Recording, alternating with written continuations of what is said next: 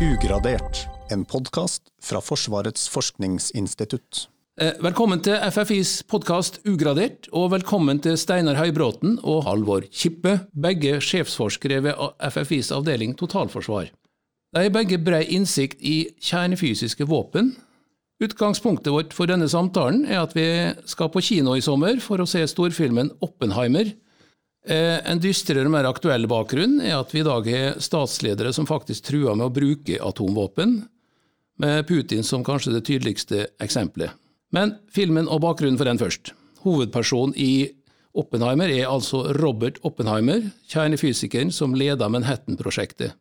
16.07.1945 skjedde den såkalte Trinity-testen i New Mexico, der verdens første atombombe ble utløst. Under en måned senere så ble to bomber brukt på mennesker i Japan. Så først kanskje, Steinar, eh, dine tanker om Oppenheimer. Hva, hva var Manhattan-prosjektet som han jobba med, hva var det for noe? Ja, uh, Oppenheimer ble henta inn fra universitetslivet til uh, da USA så for seg at atombomben kunne bli realitet, og satt til å lede prosjektet. Han var tror jeg. Sånn, jeg ser det ikke en A4-person nødvendigvis. Og bygde opp det her laboratoriet på en veldig spesiell måte. på en eh, det var vel en ranch school, som det heter, i New Mexico, langt inne i ødemarka. Hvor han hadde vært tidligere og kjente fra stedet på forhånd. Og her kom det jo etter hvert alle de skarpeste hodene i USA. Eh, mye, mange andre fra Forsvaret som skulle passe på disse her og et helt system etter hvert. Da. Det her tok jo litt tid å, å bygge opp. Selve Manhattan-prosjektet ble også fordelt på andre steder i USA, hvor de gjorde forskjellige utviklingsbiter da, som alt sammen skulle settes sammen i New Mexico. Grunnen til at det kalles Manhattan-prosjektet, er rett og slett at hele arbeidet startet på Manhattan? Ja, det ble jo navnet på prosjektet, som du sier. Eh, og det var jo kanskje greit å ha et navn som ikke var så veldig klart på hva de holdt på med. Halvor Kippe, hva er ditt forhold til Oppenheimer? Jeg forbinder jo han i første rekke med Manhattan-prosjektet. Vi har jo lest mye om han og, og sett en del dokumentariske filmer om han tidligere i gruppa vår. Han var vel var astrofysiker eller kosmolog tror jeg opprinnelig. Eh, så kaller han gjerne en omskolert kjernefysiker.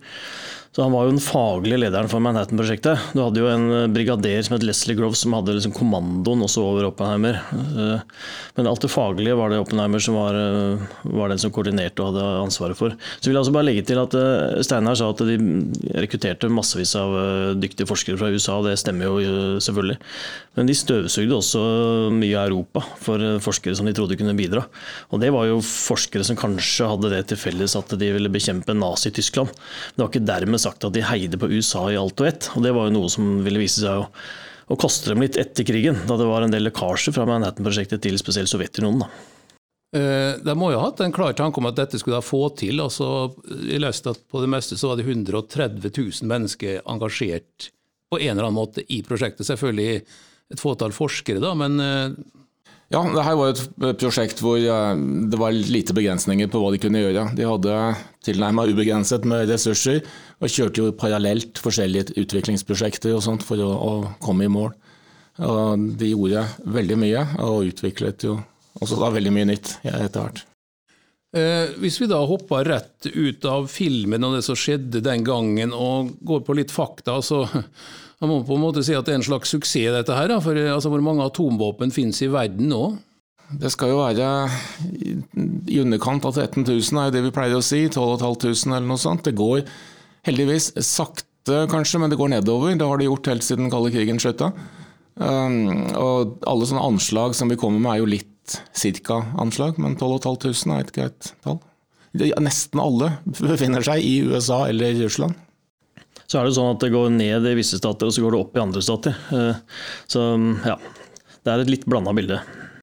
Og til felles for alle som har det, er jo at de kan jo ikke bruke det.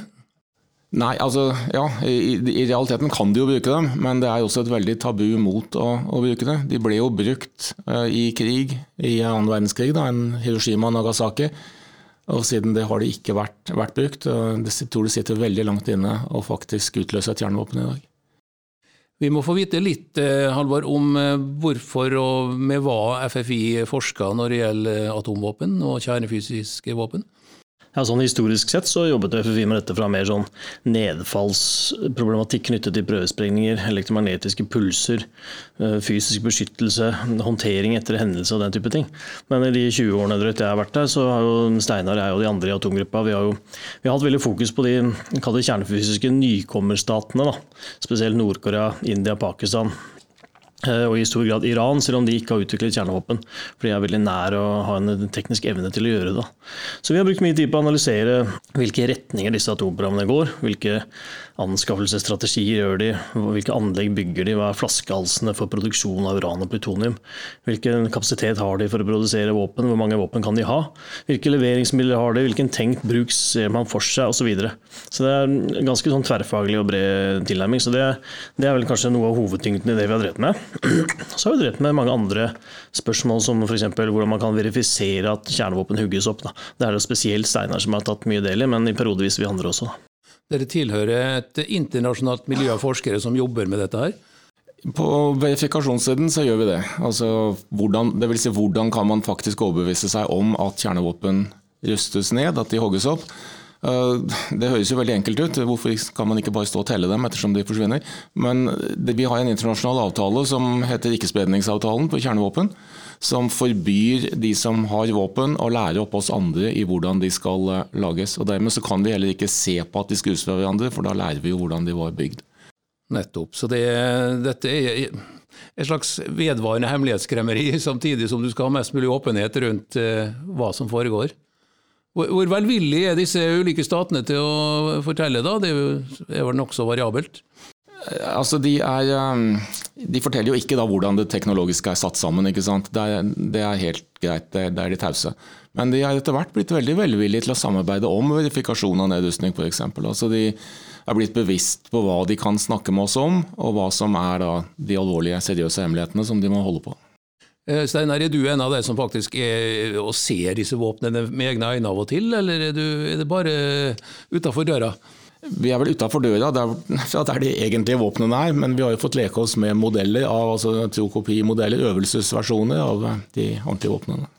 Um, skjer det noe teknologisk nytt rundt atomvåpen? Er det noe som forandrer seg? Altså, det har sikkert skjedd litt siden det, den første prøvesprengninga i New Mexico? Ja, altså det, der tror jeg vi må skille mellom uh, stridshodene, eller bombene eventuelt, uh, og det som faktisk leverer disse her. Spesielt på stridshoder montert på missiler, så, så er det først, først, og fremst på missilsiden at det skjer en veldig stor utvikling i mange land. Uh, missilene blir mer pålitelige, de kan få lengre rekkevidder. De kan bli bedre til å omgå missilforsvarssystemer, og de kan få mye høyere presisjon. Da. Og Der man tidligere så langtrekkende ballistiske missiler som kun var relevante med en kjernefysisk nyttelast, så er det en del land som bruker stadig mer langtrekkende missiler også med en konvensjonell nyttelast, da, fordi de er såpass presise.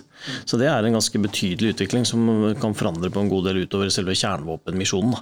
Så kan man si at land som Russland og, USA de har så mange prøvesprengninger og de har så effektiv våpendesign, om du vil, da, at de eh, på et vis har det de trenger for å nå de målene de ønsker da, med disse voldsomme kjernevåpnene, dersom det blir krig.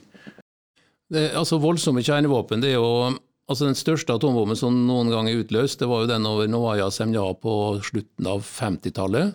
Som ble kalt tsarbomben, og som da ikke er blitt overgått seinere. Og, og du Halvor fortalte jo at russerne torde ikke å lage en større bombe enn det? Ja, altså Jeg tror det var i 1961, stemmer ikke det, Steinar?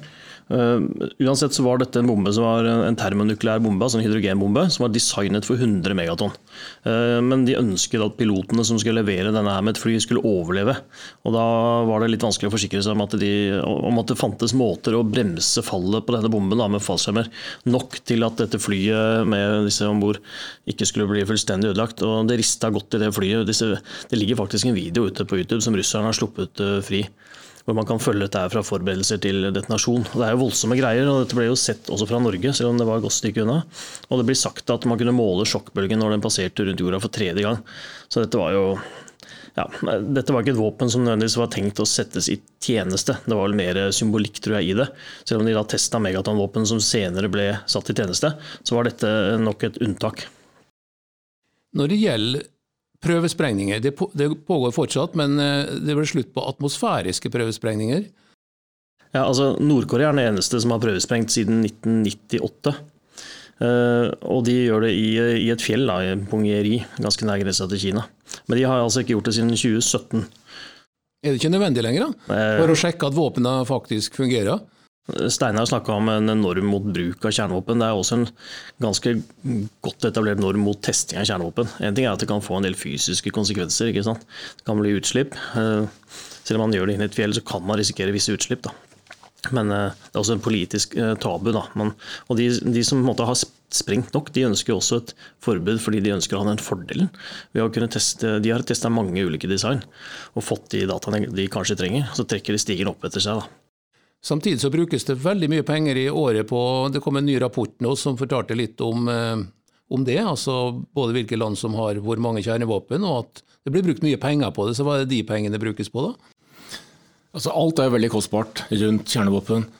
Eh, for det første så er materialene som inngår dyre. Du må ha litt av en infrastruktur i landet ditt for å utvikle eh, plutonium, for å anrike uran osv. Eh, du skal ha massevis av anlegg for å lagre disse her, for å arbeide med dem, for å passe på dem. Så du, du setter jo altså, alt mulig rart i sving egentlig for å opprettholde en forsvarsevne med kjernevåpen.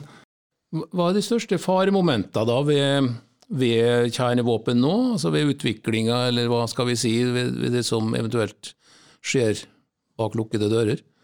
Ja, altså det er Mange som liker å peke på det vi kaller taktiske eller substrategiske kjernevåpen. Dette er jo kjernevåpen som ikke er forhåndsinnstilt mot en storby eller mot andre kjernevåpen i et annet land, men som kan tenkes å bli tatt i bruk dersom en situasjon oppstår. F.eks. med et kortholdsmissil, eller et kryssemissil eller en flybombe. Eh, og Det er da våpen som på et vis kan, man kan frykte at det er lettere å bli tatt i bruk, at terskelen blir lavere for bruk. Da. Og Man kan jo godt snakke om at de er mindre ofte i sprengkraft enn de strategiske våpnene, men mange av de taktiske eller substrategiske stridshodene kan være flere ganger kraftigere enn Hiroshima og Nagasaki-bomben. Så det er, det er masse ødeleggelsesvåpen det også. Eh, og hvis det blir lavere terskler for bruk eh, med slike våpen, så er det en bekymring. Man nevner ofte land som Pakistan og Nord-Korea, og etter hvert også Kina, at det kan tenkes at de også er interessert i substrategiske kjernevåpen. Eh, kjernevåpen er jo forbeholdt stater foreløpig, men kan en forestille seg type terrorister eller noe at på et eller annet tidspunkt i historien skulle få tak i det og bruke det? Det spørs vel hva du tenker på i, i så fall. Um, det kan kanskje tenkes at noen en dag kunne få til en kjernefysisk eksplosjon, men det er en helt annen sak å gå derfra til å si, sende det ut med missiler og alt det andre her. Det er altfor svært for en, en, en terrorgruppe, vil jeg påstå. For å være litt konkret på Det altså det er materialene som er viktig å passe på her. Hvis en terrorgruppe får tak i la oss si 100 kg fordelt på to biter da, med veldig høyt anriket uran, så er det en ganske smal sak å oppnå la oss si en liten brøkdel av Hiroshima-bomben. Med, med, med, å slippe de to bitene på hverandre, rett og slett. Da. Og det kan jo da bare Eller fraktes inn med lastebil. altså Det finnes enkle måter å gjøre det der på. Så materialene må passes på. Det er litt annerledes med plutonium. Man kan få det også til å gå av, men det er vanskeligere å komme opp i kilotonn-området hvis du har to klumper med plutonium. Men er, våpendesign kan jo være alt fra helt elementær til veldig sofistikert. Så det er materialene som er flaskehalsen. Kan vi sove godt om natta, eller skjer det ting med forskning og utvikling og kanskje regime rundt slike våpen som uh, gjør at vi bør være på ekstra mye vakt i tiåra framover? Altså jeg tror du kan fortsette å sove godt. Det er å sitter langt inne og begynne å bruke kjernevåpen. Jeg tror det er mer den politiske beslutningen vi snakker om. Altså utviklingen som vi har prata litt om her nå, den er teknologisk. Og det er ikke Selv om de finpusser den, så forandrer ikke det faren for at du skulle sove dårlig på natta, egentlig. Det er mer hva kan skje politisk i verden. Vi hører jo at det trues om kjernevåpen, og vi sover kanskje alle litt dårligere fordi vi har hørt om det det siste året eller så. Eh, likevel så tror jeg den, den normen om ikke å bruke kjernevåpen er såpass sterk at det stadig sitter langt inne å faktisk bruke den. Eh, hva er det som bringer dere to inn i denne forskningen? Hva er det som, eh, Steinar, hva var det som gjorde at du ble interessert i dette feltet? Altså, jeg er jo kjernefysiker av utdannelse. Så jeg så en gang i tiden etter jobber rundt omkring på kjernefysikk. Jeg jobbet en periode med grunnforskning i kjernefysikk, og etter hvert så Så dukket det opp muligheter for å jobbe på dette her. Jeg syntes det hørtes interessant ut den gangen.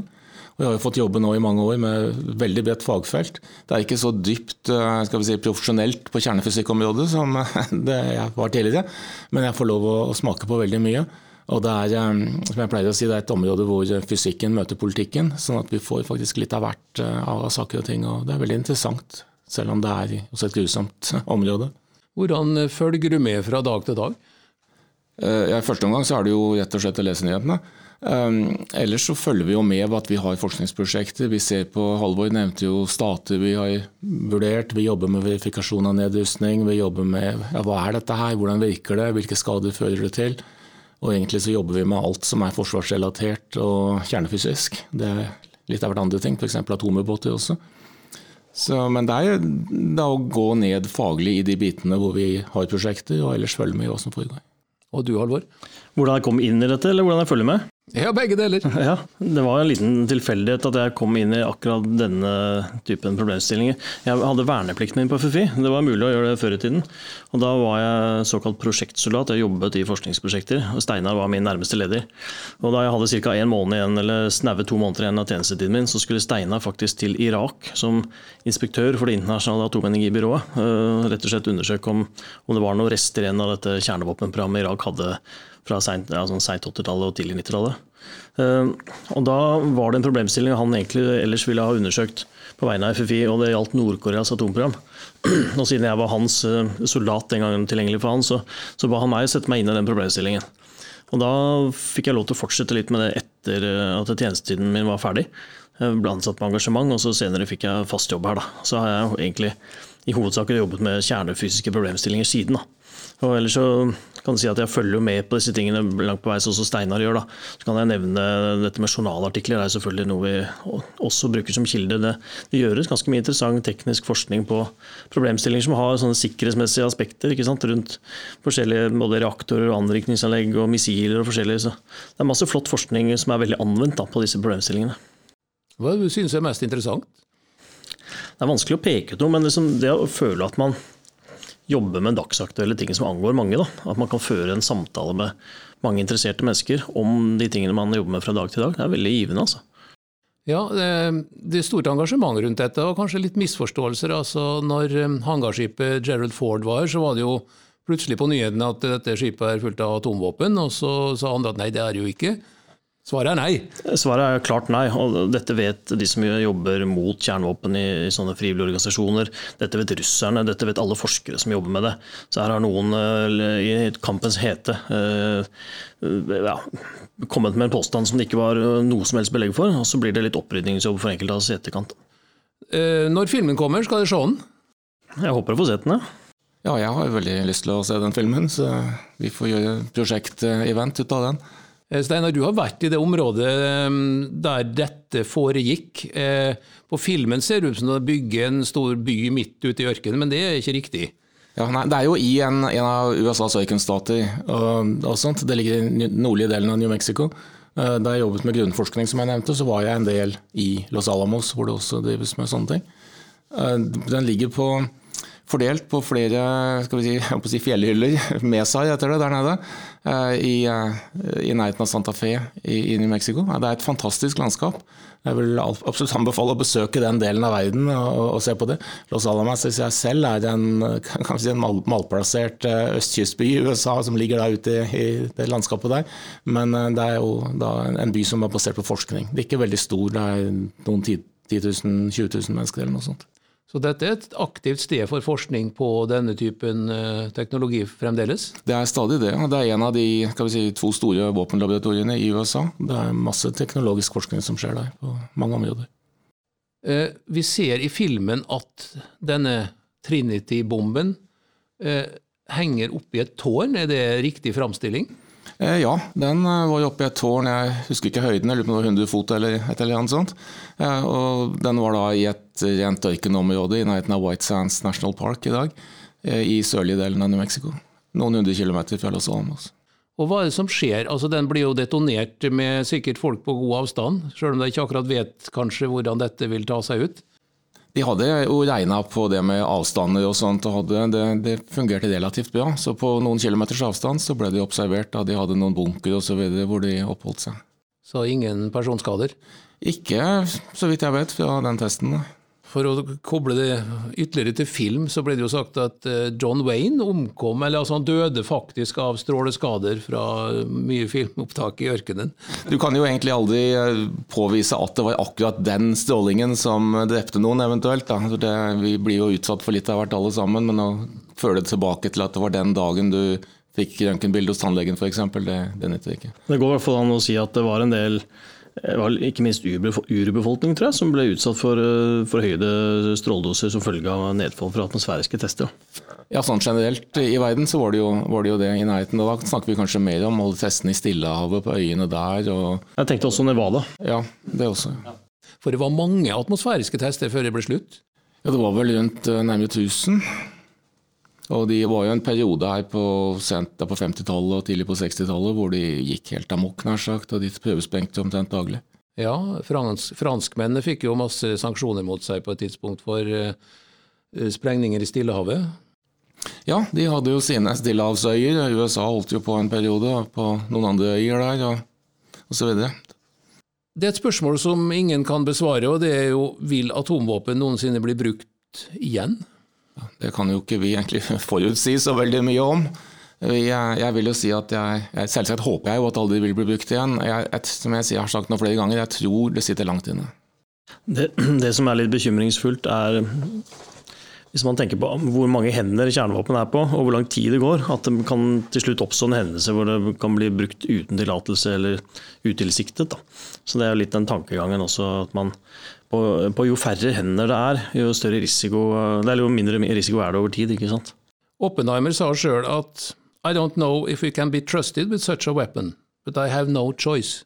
Ja, det er jo et interessant utsagn. Jeg tror han var jo veldig bevisst på altså det destruktive i, i de våpenet han var med på å skape, som han var lederen for å skape.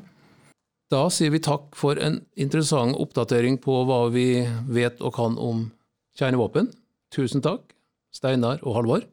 Og vi kommer tilbake med nye podkaster seinere.